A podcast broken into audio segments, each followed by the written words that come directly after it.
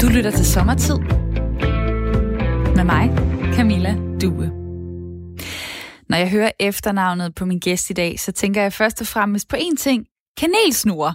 Det skyldes, at min gæst i høj grad er kendt for sine bagerier, bagekurser og bageprodukter. Og det er egentlig lidt fjollet, fordi hans CV er kolo enormt langt. Der er så meget, jeg kunne pege på. Han er selvlært kok. Han er kogebogsforfatter til mere end 30 bøger.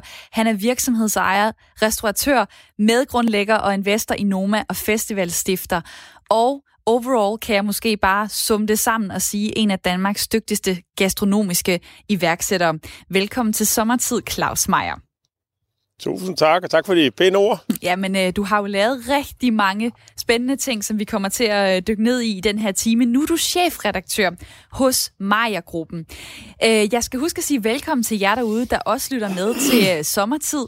Og Claus, når jeg går ind og googler kanelsnore, så har du gjort et eller andet rigtigt, fordi din opskrift ligger øverst. Hvad er øh, historien egentlig med den øh, kanelbolle? Jamen, øh, faktisk går historien tilbage til et besøg i byen Lom i Jotunheimen øh, Nationalpark for, tror jeg, 12-13 år siden, hvor jeg var på holde foredrag, og jeg blev rigtig, rigtig glad for øh, ja, både øh, byen selv, men også øh, Arne Brimi og hans øh, fantastiske øh, restaurant øh, ude i Nationalparken, og det sammenhold, der er der blandt øh, familiemedlemmer om at lave ost og have et vandrehjem og organisere udendørs øh, kulturoplevelser. Og frem for alt så blev jeg rigtig glad for det, der hedder Bakeriet i Lom, som øh, er et, et, et meget, meget fint bageri in the middle of nowhere i Norge, altså sådan noget 4-5 timers øh, bustransport for Oslo, hvor Morten Schakenda øh, lavede den her oversized kanelsnor, øh, som var sådan blød og svampet med, med den der tætte øh, kanelsmør, remonceagtige smag. Og det er et par år senere, øh, af andre årsager, fik lyst til at starte mit eget første bageri i Jægersborgade i København. Jeg tænkte jeg, jeg er simpelthen nødt til at, øh, jeg er nødt til at lave sådan en kanelsmør. Jeg tænkte, det var nemt at lave den. Og realiteten var bare, at, øh, at min bager havde virkelig svært ved at ramme øh, præcis, selvom jeg egentlig havde fået opskriften af Morten, præcis den konsistens på kanelsnoren, som jeg, jeg, jeg, jeg huskede så tydeligt. Og og det var ret frustrerende, og så en dag, så ringer min chef, Nikolaj Skøtte, til mig, så siger han så, Claus, ved du, hvor jeg er henne lige nu? Ja, du vil i Jaspergade, siger jeg så. Nej, siger han, jeg står i Lom. og jeg har fundet ud af, jeg har fundet ud af, hvad jeg har gjort forkert. Så glæder dig, siger han så. Ikke? Og siden da, der har vi bare lavet, øh, ja, altså kanelsestore. øh, og så hvor der, vi øh, har været. Så er der kø på gaden, og, og folk øh, vil, øh, vil altid lige prøve den, i hvert fald, hvad jeg kender til øh, fra, øh, fra København og, og Jægersborgade, hvor, øh, hvor din butik jo stadig ligger. Du er autodidakt kok. Du er så glad for mad. Hvorfor tog du egentlig aldrig uddannelsen? Øhm, Ja, hvorfor gjorde jeg egentlig ikke det? Altså, jeg, jeg, var, jeg, jeg tror, i en relativt tidlig alder, Øhm, altså, men dog flere år efter, at jeg havde fundet ud af, at øh, min opgave i livet, det var at øh, forsøge at øh, undersøge maden og måltidets øh, muligheder for at berige vores liv. Øhm, der finder jeg ud af, at, at, at det formentlig ikke er ved at stå ind i køkkenet og hakke ting og putte ting i en gryde og øh, opfinde specifikke sovsopskrifter osv., at, at, at jeg kommer til at øh, gøre den største forskel i verden. Og jeg tror, det er det, der, der ligesom øh, fratager mig lysten til at gå i kokkelærer. Øh, det, var aldrig, det var egentlig aldrig, fordi jeg synes, jeg kunne det hele. Så jeg, jeg, jeg har altid haft en, en pæn portion ydmyghed i forhold til selve faget, og, og stor respekt for de folk, der, der tilbringer det meste af deres liv i et bageri eller et, i et køkken. Så det er egentlig, det aldrig handlet om, sådan en overdreven øh, selvværdsfølelse i forhold til det madfaglige. Jeg har altid vidst, at jeg var god til at lave mad og tilbage, og jeg er selvfølgelig blevet bedre med årene. Man bliver bedre, når man øver sig. Men, men det, det skyldes nok mest det, at jeg tænkte, at øh, jeg kommer til at øh, betyde mere for flere mennesker, hvis jeg forsøger at, at, at bruge en del timer uden for køkkenet. Og, og hvorfor så gå i mesterlærer? Og man kan sige, så blev du øh, tv-kok i Majers køkken. Øh, du har været med til at oprette en øh, lang række virksomheder. Majers Madhus, Majers Deli, Majers Bageri. Og i dag i, i Majergruppen, hvor du så også er ansat og ikke er, uh, er chef, der er der 800 medarbejdere.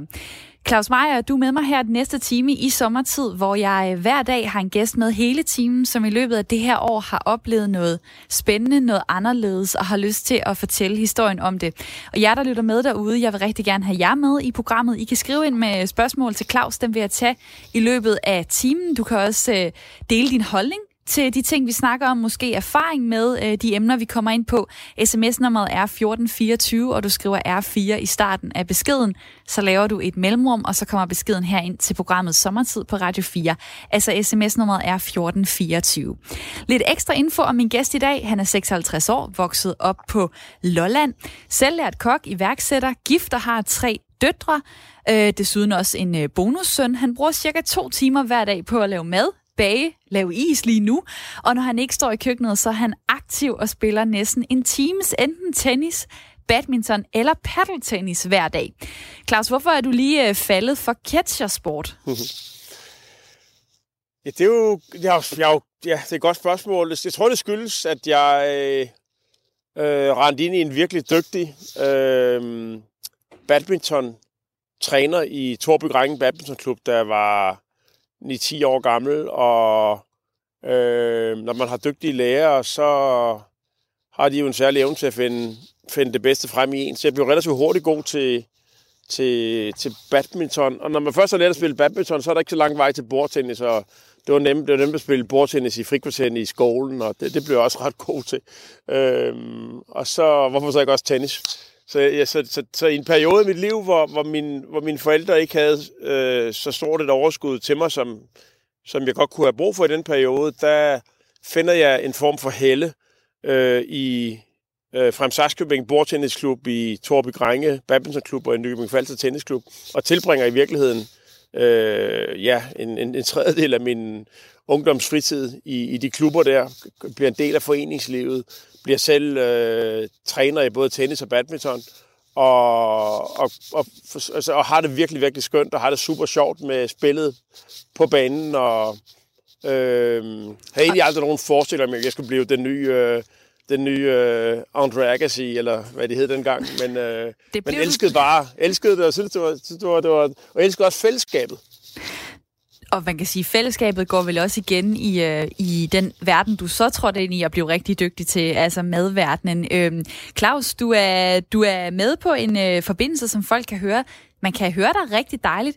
Måske er det øh, sådan, at mikrofonen øh, gnider lidt mod dit skæg eller et eller andet. Jeg vil i hvert fald lige høre, om du kan sidde en lille smule mere stille. Nu er du en aktiv type, men bare lige den næste time her frem til klokken 10. Jeg, jeg, jeg... jeg vil straks finde ravkliv frem. Nej, skal du ikke. Øh, hvad hedder det, Claus? Øh, jeg har jo gerne vil tale med dig, fordi du har haft virkelig travlt her under corona. En tid, som har været øh, præget af, af lukninger og aflysninger og en meget øh, generelt svær tid i, øh, i din branche. Men du har fundet på rigtig mange initiativer, øh, og det virker også som om, at øh, du har fået øh, arbejdsglæden tilbage, og det skal vi øh, snakke om senere. Men først så skal vi lige kigge på dagens nyheder sammen.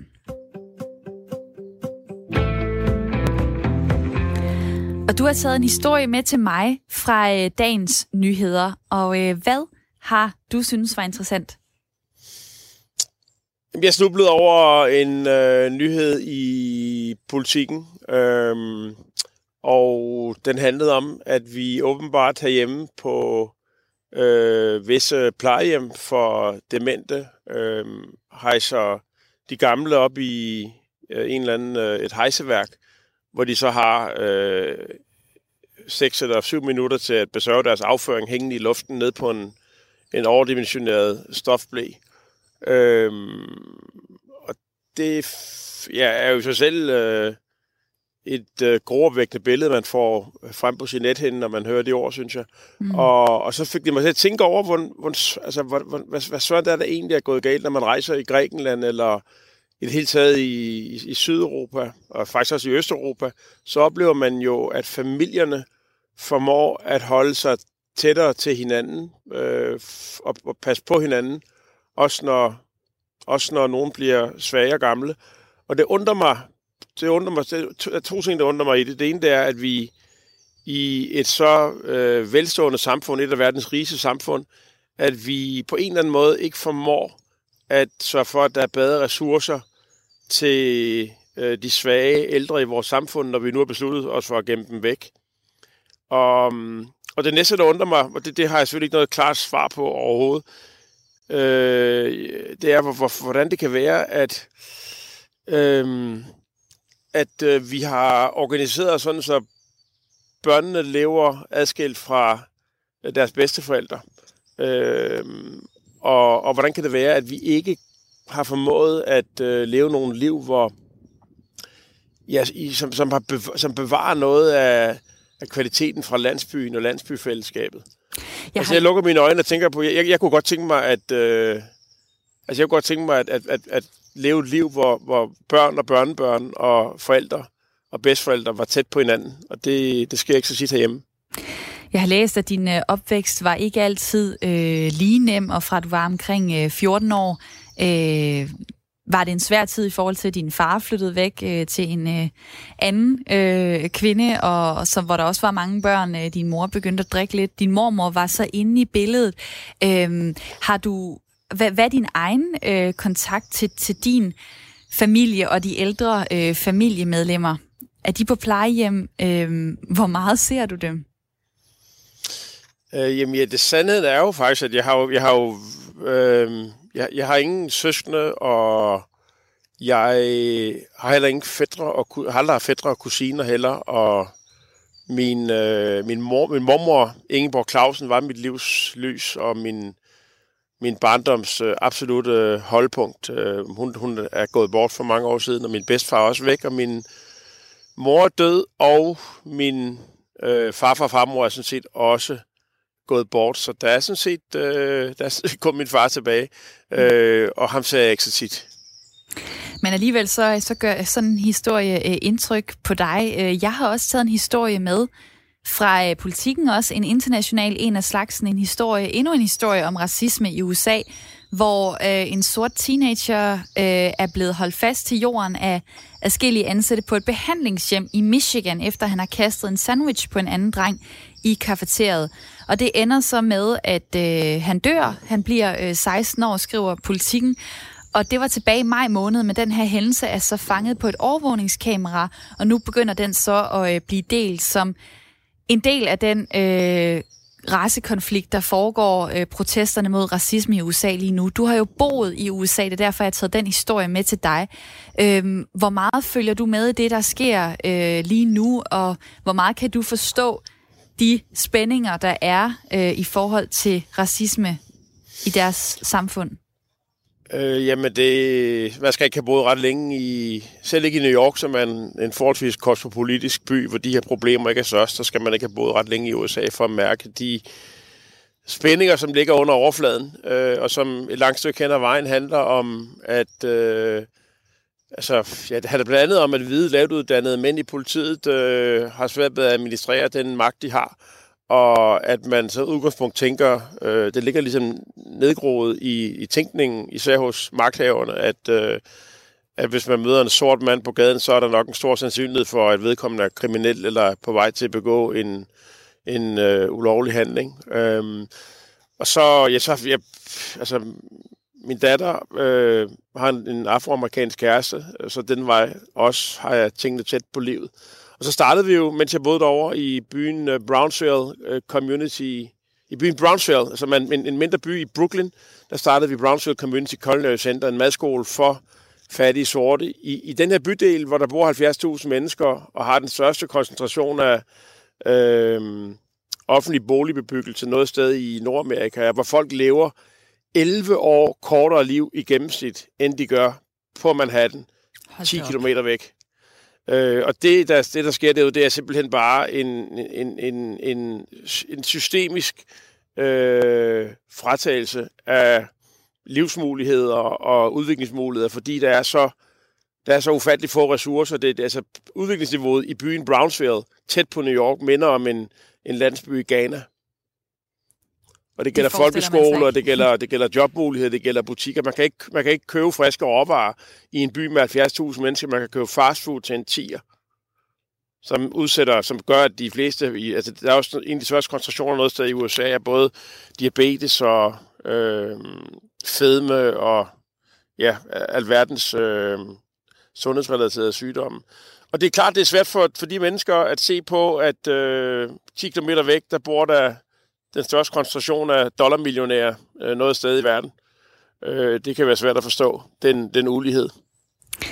Claus, øh, tak fordi, at øh, du lige vil give dit syn på, øh, på den nyhed. Og jeg skal huske at sige til nylytter, at det her det er programmet Sommertid. Det er Claus Meier, der er med frem til klokken 10.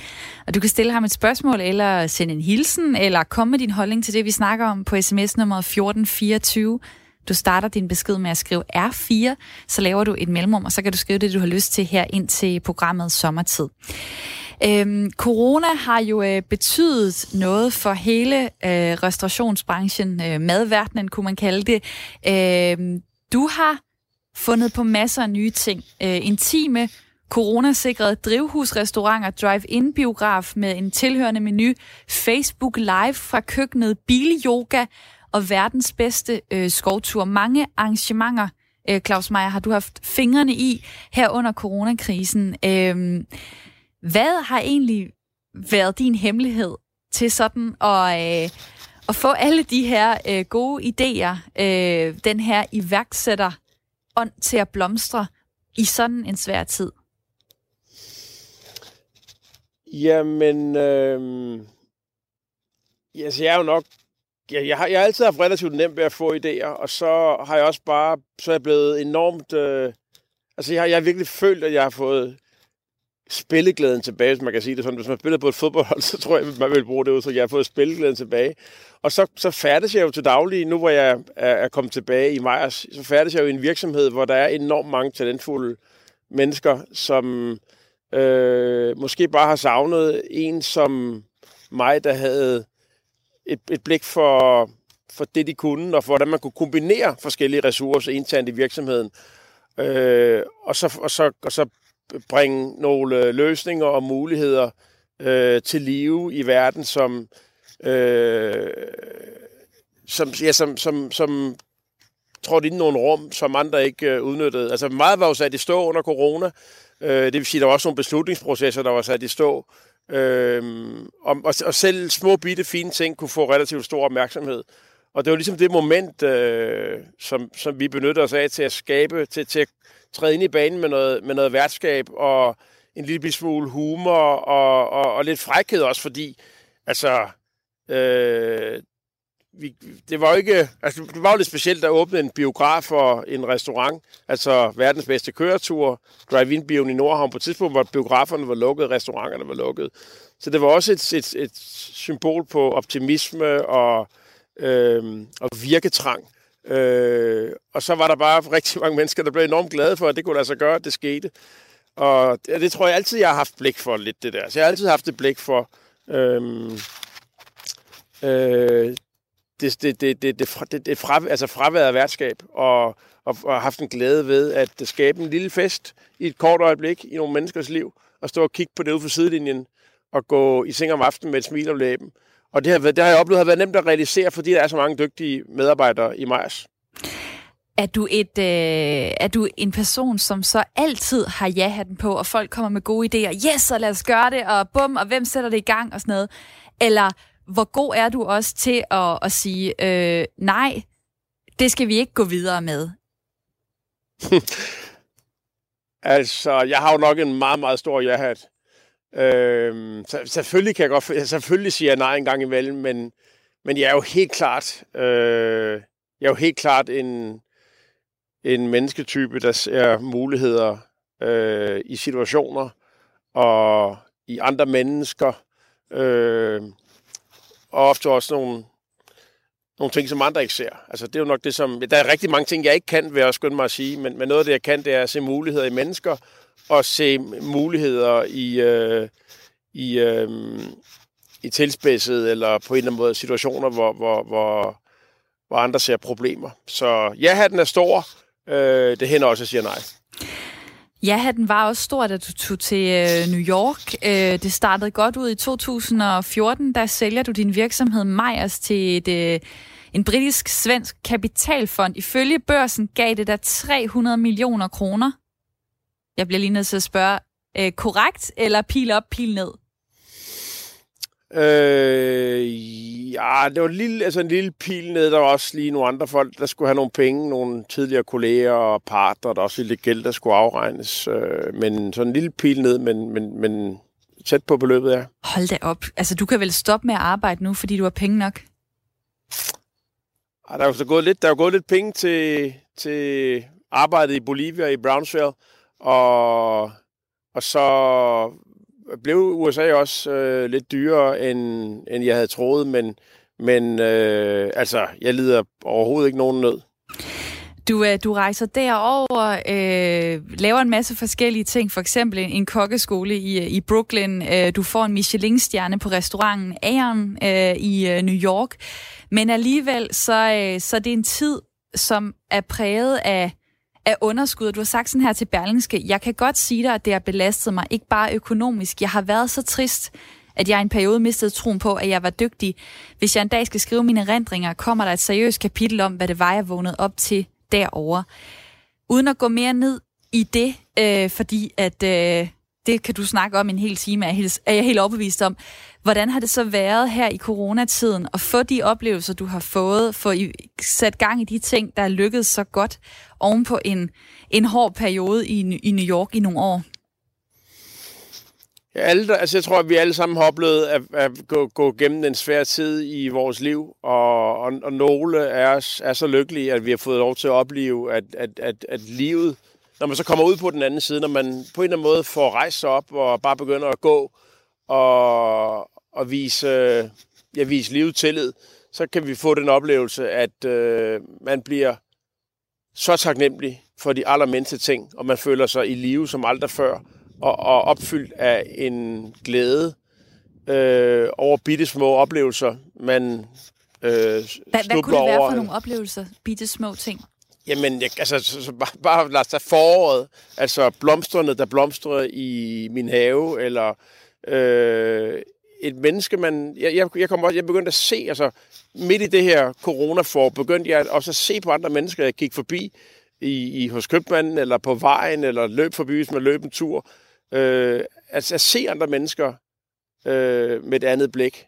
Så det var, så det var også... Det var, altså, og og når du ser andre mennesker og møder dem med, øh, altså med kærlighed og, og føler taknemmelighed, så bliver det på en eller anden måde selvforstærkende. Så det er svært at forklare kort. Øh, men øh, jeg har følt mig øh, mere lykkelig over øh, min hverdag og over at vågne op om morgenen øh, og over alle de spændende samarbejder, øh, jeg er i med alle mulige slags mennesker, øh, end jeg på noget tidspunkt tidligere overhovedet i mit liv øh, har følt.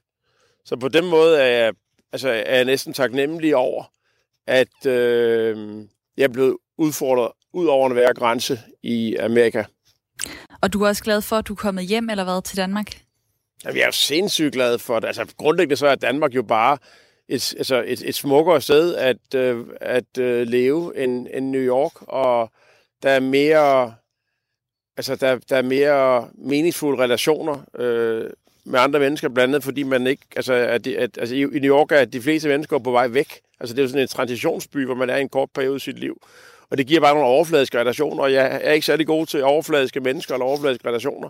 Så det at komme tilbage til et samfund, jeg forstår, og hvis værdier jeg respekterer, og øh, voucher for, og, og, og, og, og det at komme tilbage til, og så føle, at man kan læse landskabet igen, fordi man har en, en, en, en, en, en minimum evne til at forudsige, hvad der sker, hvis man gør det ene eller gør det andet. Ikke? Øhm, det er jeg bare glad for. Og nu er du så øh, tilbage i øh, Maja-gruppen, en ny rolle som chefredaktør. Øh, og jeg havde en kollega, der sagde, hvad, altså chefredaktør, er han virkelig det? Det kunne jeg godt lige øh, tænke mig at få uddybet, hvad den rolle så egentlig nu går, går ud på, hvor du ikke er øh Øh, CEO, direktør for, øh, for Maja-gruppen, som har øh, 800 ansatte. Øh, jer derude, tak for de beskeder, der kommer til Claus. Jeg tager dem lige om lidt efter nyhedsoverblikket. Du kan også være med, hvis du har et spørgsmål, der lytter med. Send mig en sms på nummeret 1424. Start din besked med R4. Lav så et mellemrum, og skriv så din besked her ind til programmet Sommertid. Og det har du god tid til, fordi de næste fire minutter, der får du et nyhedsoverblik. Det kommer her. Her er nyhederne på Radio 4. Ansatte på flere plejehjem i Aarhus oplever chikane, trusler og krænkende adfærd fra pårørende. Det har nu fået Aarhus Kommune til at melde flere episoder til politiet, det skriver mediet A4 Arbejdsmiljø. De pårørende er frustrerede over den behandling, de ældre på plejehjemmene Kongsgården og Skæring plejehjem har fået af personalet. De to plejehjem har været i medierne de seneste dage efter beskyldninger om uværdig ældrepleje. De pårørendes frustrationer har blandt andet ført til trusler i mails, verbale overfald og spytklatter. Danske forskere har udviklet en ny teknologi, som løser hele tre af landbrugets store miljøproblemer på én gang. Teknologien starter, undskyld, teknologien skærer ned på udledningen fra svinestalle af både ammoniakdampe og den stærke klimagas metan, samt mindsker lugtgenerne. Ved tilsætning af harmløse stoffer som fluorid, kendt fra tandpasta, og gavesyre, kendt fra rødvin, er det lykkedes forskerne i laboratorieforsøg at nedbringe udledningerne med mellem 95 og 99 procent. Så høje tal kan ikke genskabes ude i stallene, men forskerne tror, at teknologien på sigt kan revolutionere bekæmpelsen af dansk husdyrproduktions miljø- og klimaudfordringer, siger Henrik Karing fra SDU Chemical Engineering, som står i spidsen for projektet. Ja, vi håber på, at vi øh, med den her teknologi kan øh, løse problemer i forhold til ammoniakfordampning fra gylden og stallene, øh, og vi kan reducere øh, metanproduktionen fra stallene, øh, og så at vi også kan reducere øh, mængden af lugtstoffer fra stallene. En god udvikling på de finansielle markeder har i andet kvartal hjulpet tryk med at tjene flere penge, end det var tilfældet i samme kvartal sidste år. Til gengæld er coronaeffekter med til at give lavere indtjening for første halvår. Det viser halvårsregnskabet fra den danske forsikringskoncern. Af regnskabet fremgår det, at investeringsafkastet i andet kvartal er steget til 541 millioner kroner. Det er næsten en tidobling i forhold til afkastet året før. Fremgangen har bidraget til at hæve tryks overskud i andet kvartal til lidt over 1,2 milliarder kroner. Det er en vækst på 59 procent sammenlignet med resultatet året før. For halvåret er der dog ikke lige så meget at glæde sig over resultatmæssigt. Tryk har med egne ord været stærkt præget af udbruddet af coronavirus, der samlet set har påvirket negativt med et investeringstab på 440 millioner kroner. Mens et stigende antal rejseanmeldelser har været dyrt for tryk, så kan udgifter til eksempelvis bilforsikringer også komme til at koste selskabet. Det vurderer Mikkel Emil Jensen, der er analytiker i Sydbank. Der er faktisk øh, relativt flere skader i forhold til antallet af biler på vejene her i, i juni måned. Øh, så, så øh, der er faktisk nogle tendenser til, at der faktisk godt kan være lidt flere skader i, i de kommende måneder, som følge af, at vi simpelthen har glemt, hvordan man kører bil. Øh, kigger man på rejseforsikringer, jamen, så afhænger det selvfølgelig af, hvordan smitten er i resten af Europa. Og ser vi en ny bølge af, af covid-19, jamen, så kunne det jo give anledning til, at der kommer en, en, en, en, et nyt behov for at anvende sine, sine rejseforsikringer. Øh, Tryk nævner også at sådan noget som garantiforsikringer og lønforsikringer i de kommende måneder også skulle gå ind og plage. Så der er bestemt stadigvæk rigtig meget usikkerhed forbundet med covid-19 her i, i de kommende måneder. Lidt eller nogen sol, mest i de nordøstlige egne, men også lokale byer. Dagtemperaturer mellem 14 og 18 grader, let til frisk vind fra vest og nordvest. I nordvestjylland stedvis hård vind. I nat klart vejr og mest tørt. Temperaturer ned mellem 7 og 13 grader. Du lytter til Radio 4. Mit navn er Thomas Sand, og der er flere nyheder igen, når klokken bliver 10.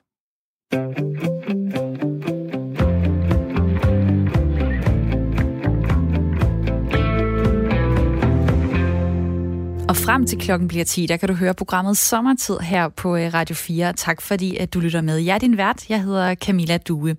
Hver dag der har jeg en gæst med hele timen, som i løbet af det her år 2020 har haft noget særligt på spil, har en særlig historie at fortælle.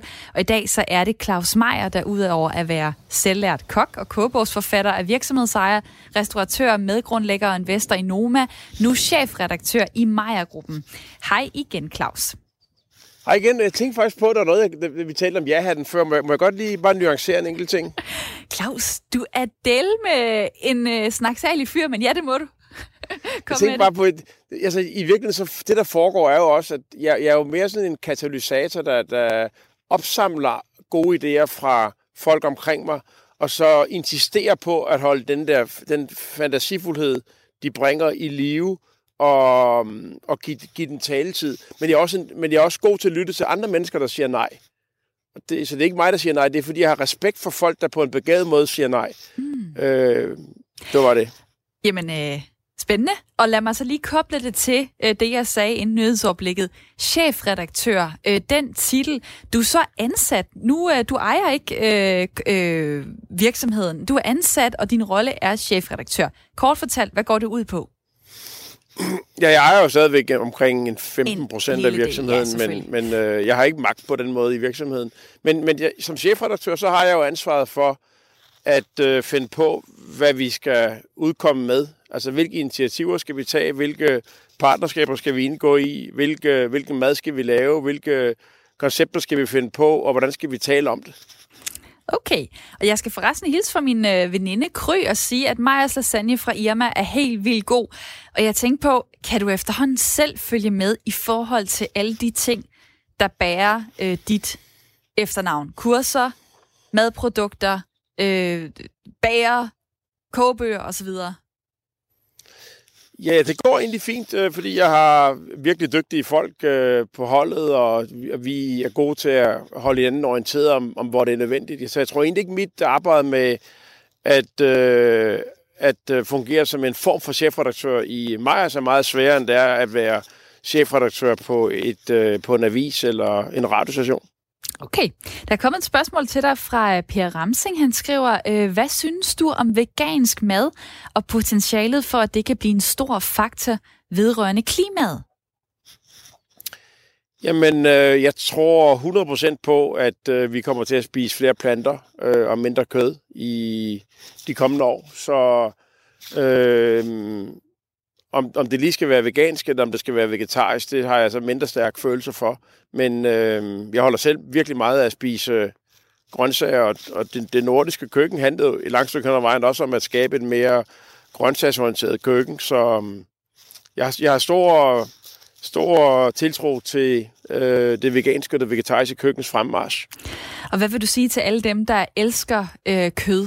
Og elsker øh, med mælkeprodukter osv. Altså ting, som øh, man kan sige, hvis man skar det væk, ville det nok øh, være bedre for klimaet. Kan man, kan man lære at lave mad så lækkert, at man ikke tænker over mere, at der for eksempel ikke er kød i mad? Nu har jeg, altså jeg har ikke noget ønske om, at der ikke skal være kød i mad overhovedet. Øh, det handler mere om at spise kød og, og for den sags skyld oste og, og, og, og drikke mælk eller bruge mælk som er en højere kvalitet. Der, der er ingen tvivl om, at vi, vi har vendet os til at have for stor en produktion af okse- og svinekød og for set også kyllingekød i verden. Øhm, og det gør, at vi, at vi bruger vores landskaber på en uhensigtsmæssig måde. Det, det handler om herhjemme for eksempel, og for så vidt i hvert andet land, det er at få kørende ud på øh, enge og overdrev, de såkaldte marginaljord, hvor der alligevel ikke kan dyrkes mad til mennesker, og så er der dyrene afgræs de arealer. det giver sunde dyr, det giver særligt fremragende fødevarer, og det giver også en, øh, en, en, en kødproduktion, der er mest muligt hensynsfuld over for øh, klodens ressourcer. Så det er ret enkelt egentlig, øh, og det undrer mig, at vi ikke er dygtigere til øh, at få skabt den øh, forandring i en fart i den måde, vi producerer kød på. Det kunne jo være, at du som øh, offentlig person kunne, øh, kunne pege på det og gøre noget ved det. Der er kommet en sms fra Lars, der skriver, Kære ven, godt du kom hjem til Danmark igen og lave nogle tv-programmer rundt i Danmark. De var rigtig, rigtig gode og dejlige øh, jordnære. Kunne du se dig selv øh, tage rundt og, og lave programmer, for eksempel om det her med, jamen, hvordan kan øh, vi lave en mere øh, bæredygtig øh, fødevareproduktion? Øh, hvordan kan vi forhindre øh, øh klimaforandringerne osv.? Eller hvor, hvor ser du øh, din egen rolle i det med at, at have en stemme i den øh, snak? Jamen, jeg synes, det er en virkelig kvalificeret idé øh, til, hvad jeg kunne bruge min tid på. Nu, jeg, jeg, jeg kan... Altså, jeg, jeg vil sige, efter at have været i USA og har brugt lidt tid i Bolivia og så videre, så har jeg også fundet en enorm tilfredsstillelse øh, ved at være lo, altså helt lokal, hvad enten det er i Saxkøbing eller som nu i Råleje. Så jeg kunne godt se mig selv øh, tage rundt i Danmark og lave en form for mikrofestival, skråstreg, forsamlingshus, skråstreg, øh, maddebat. Øh, altså, men det ligger ikke, det er sjældent, jeg ligger lang, lang, altså jeg er ikke så god til at lægge planer, som rækker alt for langt frem, så jeg arbejder relativt meget med det flow, der er lige omkring, og de mennesker, man lige møder. Og, men, men, men jeg må ærligt sige, at det, det, det, det er helt sikkert en, en, det er en god idé, og det, det er noget, der godt kunne ske. Det kan jeg mærke. Spændende. Og øh, svar til folk, der skriver ind på sms'en øh, 1424, hvor Erik også lige har skrevet, det tog mig tre uger at slippe ud af mine kødvaner. Det perlet, skriver han på sms'en 1424. Og dig derude, du kan også sende en, øh, et spørgsmål ind til Claus Meier, øh, en hilsen, eller øh, kommentere på det, vi snakker om her i øh, programmet. Lige før, øh, inden nyhedsoverblikket, der talte vi også om øh, alle de initiativer, du har sat i gang, øh, Claus. Blandt andet også det her, der hedder verdens bedste skovtur. Øh, og det øh, er, øh, det er der, du er lige nu. Det er derfor, man måske kan høre noget øh, fuglesang. Kort fortalt, hvad går det ud på? Jamen, øh, det går ud på, at vi har vi er kommet kørende med vores lille øh, food truck, der hedder Lillemejer, øh, og så har vi sat, øh, har vi haft et par brandfyrede pizzaovn med, og så er vi ude på, altså i tæt på havet, 300 meter fra havet, jeg kan se havet foran mig her, øh, på en meget, meget smuk grund, der hedder AP Møllergrunden, som er en fredet grund, øh, hvor der både er skov og hedelyng og, og stranding der har vi etableret den her, det her bageri og den her pizzarestaurant.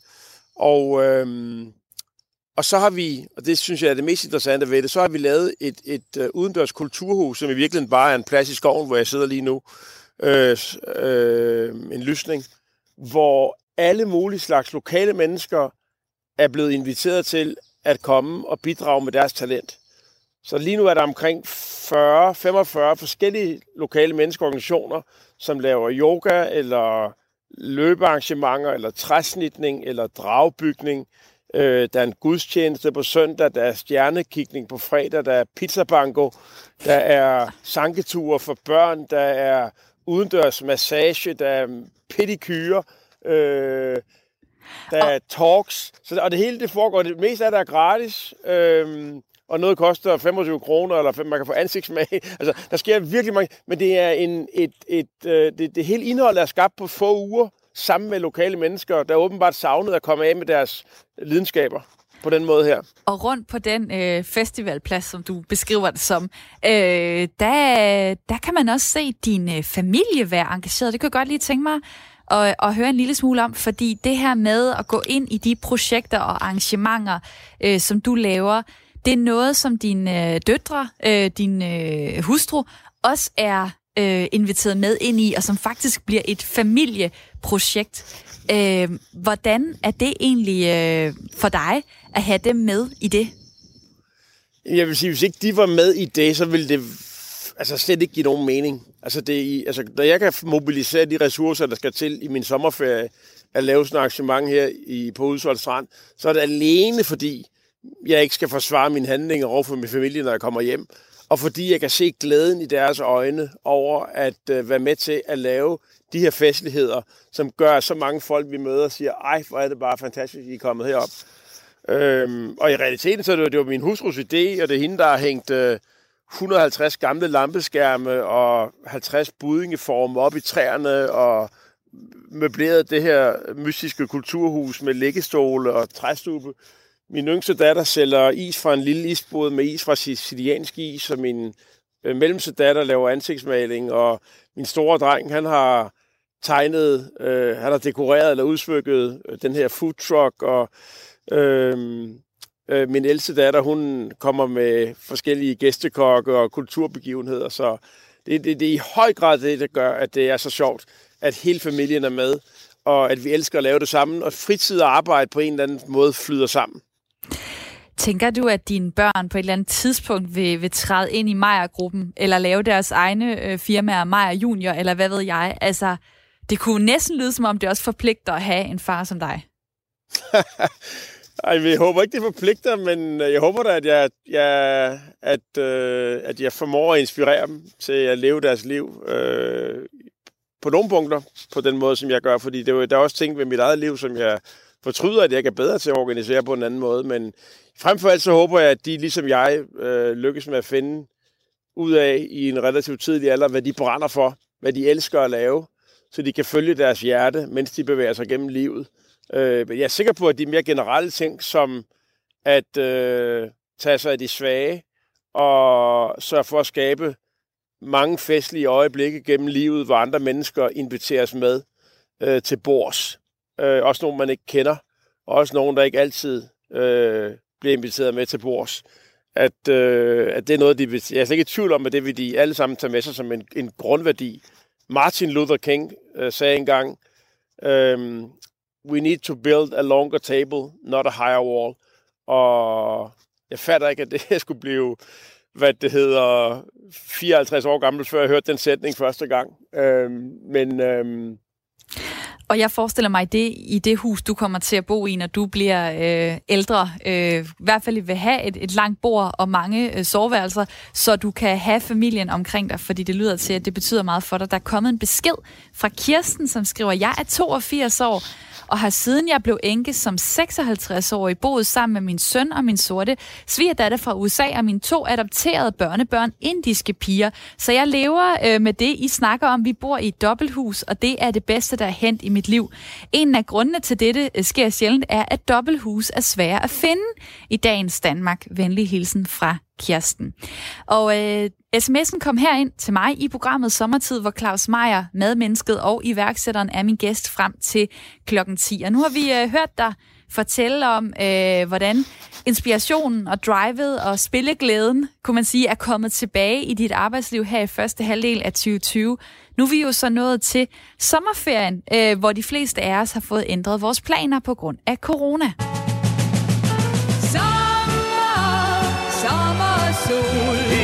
Sommer, det er sol, og det er søndag. Smil og vær i sol.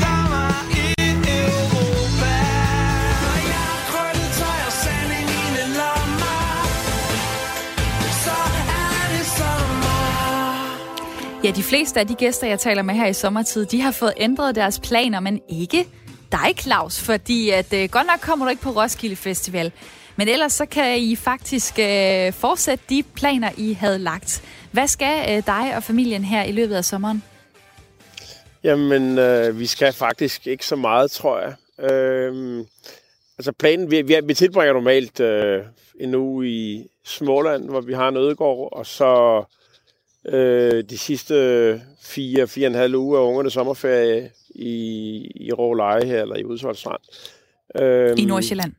I Nordsjælland, og det, så det, lige det her med skovturen fik ligesom ekstra momentum øh, på grund af corona, men ellers så ville vi have været her, måske haft lidt færre gæster og lidt øh, færre underlige øh, arrangementer på alle tidspunkter af døgnet, men det føles faktisk fuldstændig som at have sommerferie bare med en kæmpe baghave på 45.000 kvadratmeter, hvor der bliver lavet mad og kaffe og cocktails øh, dagen lang.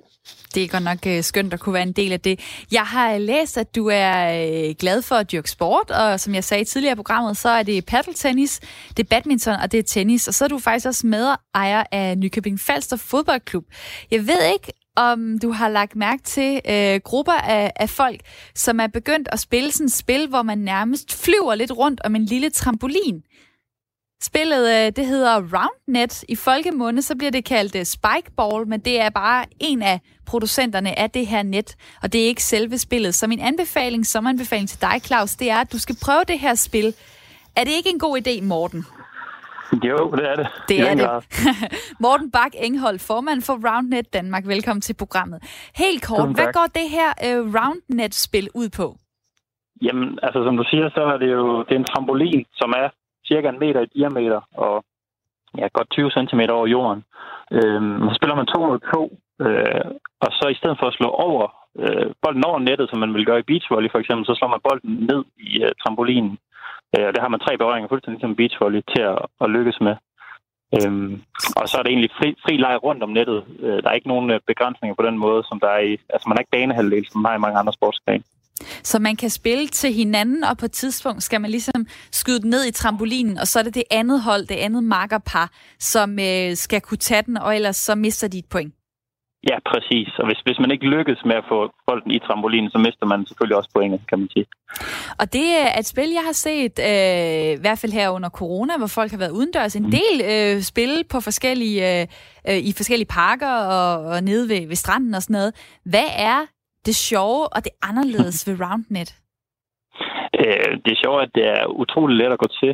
Øhm, og, og man kan, det kan være i en rygsæk, så man tager det sådan set bare på ryggen, og så finder man øh, nogle venner, man skal bare være fire personer, og så kan man stille op alle steder, hvor man har noget, der ligner 10 gange 10 meters plads.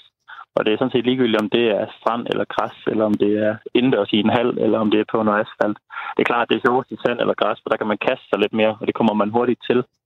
Øhm, og så det fede er også, at, at når man prøver det første gang, så de første fem minutter er lidt svære, men ret hurtigt efter det, så bliver man ret dygtig til det. Så indlæringskurven er utrolig hurtig, øh, og man får ret hurtigt noget sjovt spil ud af det.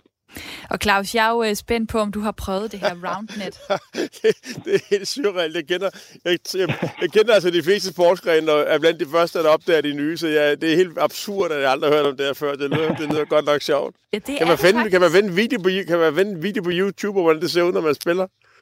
Ja, sagtens. Hvis du, hvis du YouTuber Roundnet eller Spikeboard for den sags skyld, så kan du finde hav videoer. Og, og hvad, koster, hvad, hvad koster det? Spillet? Jamen, altså man, man kan ligesom få to udgaver. Man kan få sådan et normalt basissæt eller sådan en pro-sæt, og basissættet koster 400 og 450, og så pro-sættet, som er lidt mere robust og lidt bedre bolde, det koster 800 850. Til august der bliver der så holdt det første DM mm. i Roundnet i Danmark i Horsens, ja. og der kan alle deltage. Hvis Claus skal nå, øh, han er sikkert i udmærket form, han skal nå at, at opøve sine uh, skills inden for det her. Øh, ja. Hvad er så øh, begyndertricksene til det her spil Roundnet? Jamen, vi ser Claus, som har spillet en del uh, catchersport, hvor, man, hvor, hvor det ofte handler om at ramme bolden så højt som muligt, hvis man skal lave et rigtig godt slag så i, i roundnet, så er det lige omvendt. Man skal vende sig til, at man skal slå bolden så tæt på, på nettet som overhovedet muligt. Man skal simpelthen lade den falde, indtil den er lige 10 cm over nettet, og så skal man slå den i. Fordi hvis man slår en bold højt ned i en trampolin, så rører den også højt ud. Øhm, og det er sådan set også sværere at ramme trampolinen fra høj højde. Så jo længere ned den kommer, jo bedre. Øhm, og ofte så er man også vant til i holdsport at spille bolden til sin, til sin makker. I roundet, der gælder det om at spille bolden ind til nettet hele tiden. Få den ind over nettet, fordi så er det nemmere at få bolden i trampolinen, øhm, når man skal den væk. Og det sagde øh, Morten Bak Enghold, formand for RoundNet Danmark. Tak for at fortælle om det her spil. Det var slet. Og øh, Claus, øh, det koster jo altså omkring 400-500 kroner at købe det her. Du har fortalt mig, at du, det er aldrig rigtig lykkedes dig at få lukket dine døtre med på tennisbanen. Hvad nu, hvis du sætter det her spil op i, øh, i haven, øh, enten på den festival, jeg er i nu, eller haven øh, i sommerhuset ved, ved Råleje? Tror du på, at de vil give det en chance? Det vil de helt sikkert. De plejer at give mig en lille chance. Ikke så stor en chance, men en lille chance får jeg næsten altid. Jamen, så må du sige, at det her roundnet, det er, det er faktisk, øh, det er i hvert fald meget underholdende at kigge på. Jeg glæder mig til, at jeg selv øh, skal prøve det. Øh, kunne du bruge den anbefaling til noget?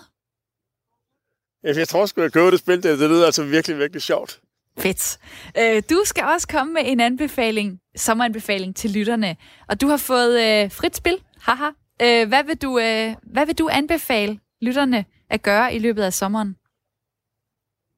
Jamen, Danmark er jo et land, hvor, der, hvor vi er omgivet af hav, og mm, en af de mest oversete råvarer overhovedet øh, i dansk natur, øh, det er den vilde råvare, som hedder strandkrabben, som er enormt nem at fange. Man kan købe en rose til 100 kroner og smide et stykke ost eller et stykke pølse ned i den, eller et, et fiskehoved.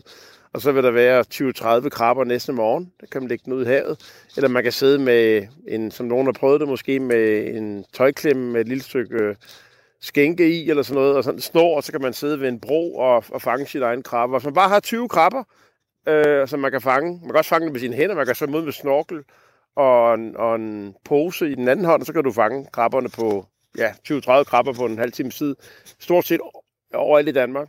Og du kan lave verdens bedste suppe med de krabber der. Det, og det, det er, de folk, jeg har lært den suppe, de, de, de siger, det der, Claus, det er det fedeste, du nogensinde har lært os, det er den bedste opskrift, den vigtigste opskrift i vores liv. Så en, at lave en strandkrabbebisk, øh, og, og vores opskrift, eller min opskrift, den ligger på nettet, så man kan bare google den. Det vil jeg sige, få gang i det, fordi du kommer aldrig til at slippe det igen. Det vil forsøge resten af dit liv sommer. Ej, hvor lækkert. Har du fået den lavet endnu selv i løbet af den her sommer? Jeg, jeg, jeg, har, jeg, sådan set en, jeg har en, jeg, jeg sætter den aldrig i køleskabet. Fordi vi spiser den, vi giver den bare et opkog en gang i døgnet, så den står på komfuret i seks uger, uden at komme på køl.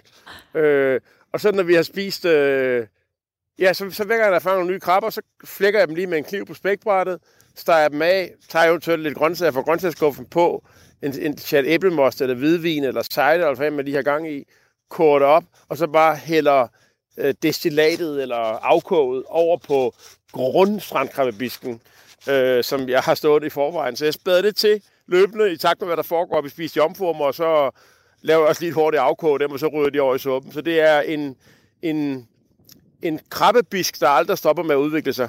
Ej, det lyder, det lyder så godt, og særligt når, når du øh, beskriver det. Jeg er spændt på, hvis jeg selv skal prøve det, øh, hvordan resultatet vil blive. Men altså, man kan jo finde øh, opskriften og hvad der skal i på, øh, på nettet, siger du.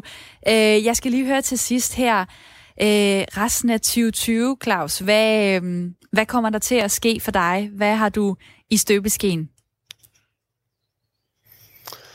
Ja, vi åbner jo en restaurant, der hedder Fasangården i Frederiksberg Have, øh, i, den, i det hus, hvor Adam Mønslager skrev, der er et yndigt land. En, en, en, en fuldstændig himmelsk beliggenhed og et, et, øh, et magisk, en magisk ejendom. Så det glæder vi os helt utrolig meget til.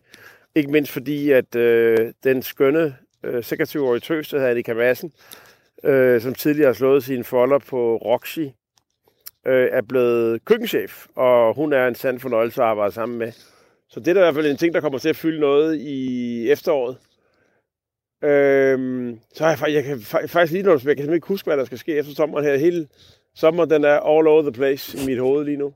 Hvad sker der ellers? Hvad jeg sker tænker, der er det ikke, er det ikke et godt holde- tegn, måske- Claus? Er det ikke godt? Er det ikke, fordi du Jo, er nede i gear, eller hvad? Du ikke kan din kalender fra, øh, Jo, fra start til slut? eller så er det fordi, jeg, jo, jeg, jeg tænker så, som ja, og så er det måske også en svaghed. Men det er nok også en styrke, at man kan lukke fremtiden lidt uden gang imellem, ikke? Jeg er i hvert fald glad for, at... Øh, jeg ved ikke, om du noterede det her i kalenderen, du skulle være med i sommertid, men øh, du var med hele timen, og det var rigtig dejligt, at øh, du ville have lyst til at øh, snakke med mig og med øh, lytterne. Claus Meier, chefredaktør hos Meier Gruppen. Og jeg har øh, bedt dig om at sende lytterne godt videre til resten af deres dag med en sommersang, som du vælger. Hvad skal vi høre i dag? Øhm, jamen, vi skal faktisk høre A Change Is Gonna Come med øh, Sam Cooke. En sang, som jeg grundlæggende elsker for dens øh, tone og for musikken i sig selv, og så er den jo skrevet. Den blev, den blev i hvert fald udgivet i, i 1964, samme år som Martin Luther King fik øh, Nobelprisen, og nogle af os husker måske øh, Selma og marchen mod Montgomery i 65. Øhm, så i den her tid, hvor øh, sorte mennesker øh, over det meste af verden, og ikke mindst i USA, ud, Du skal bare snakke videre. udsættes for urimeligheder, så synes jeg, at det er øh, på sin plads at spille Sam Cooke, A Change Is Gonna Come. Og den får du så lov til at høre her.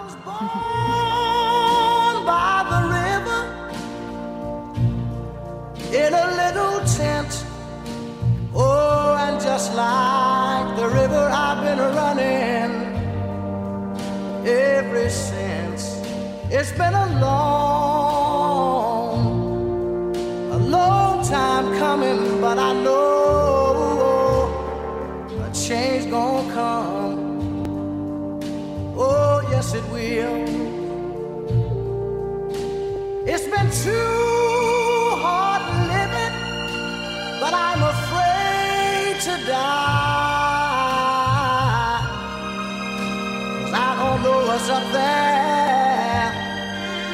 beyond the sky. It's been a long, a long time coming, but I know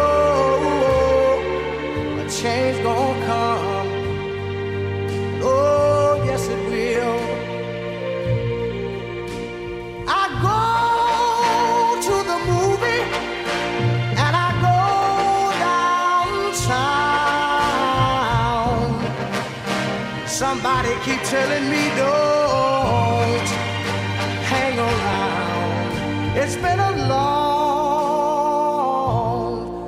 a long time coming, but I know a change gonna come. Oh, yes, it will. Then I go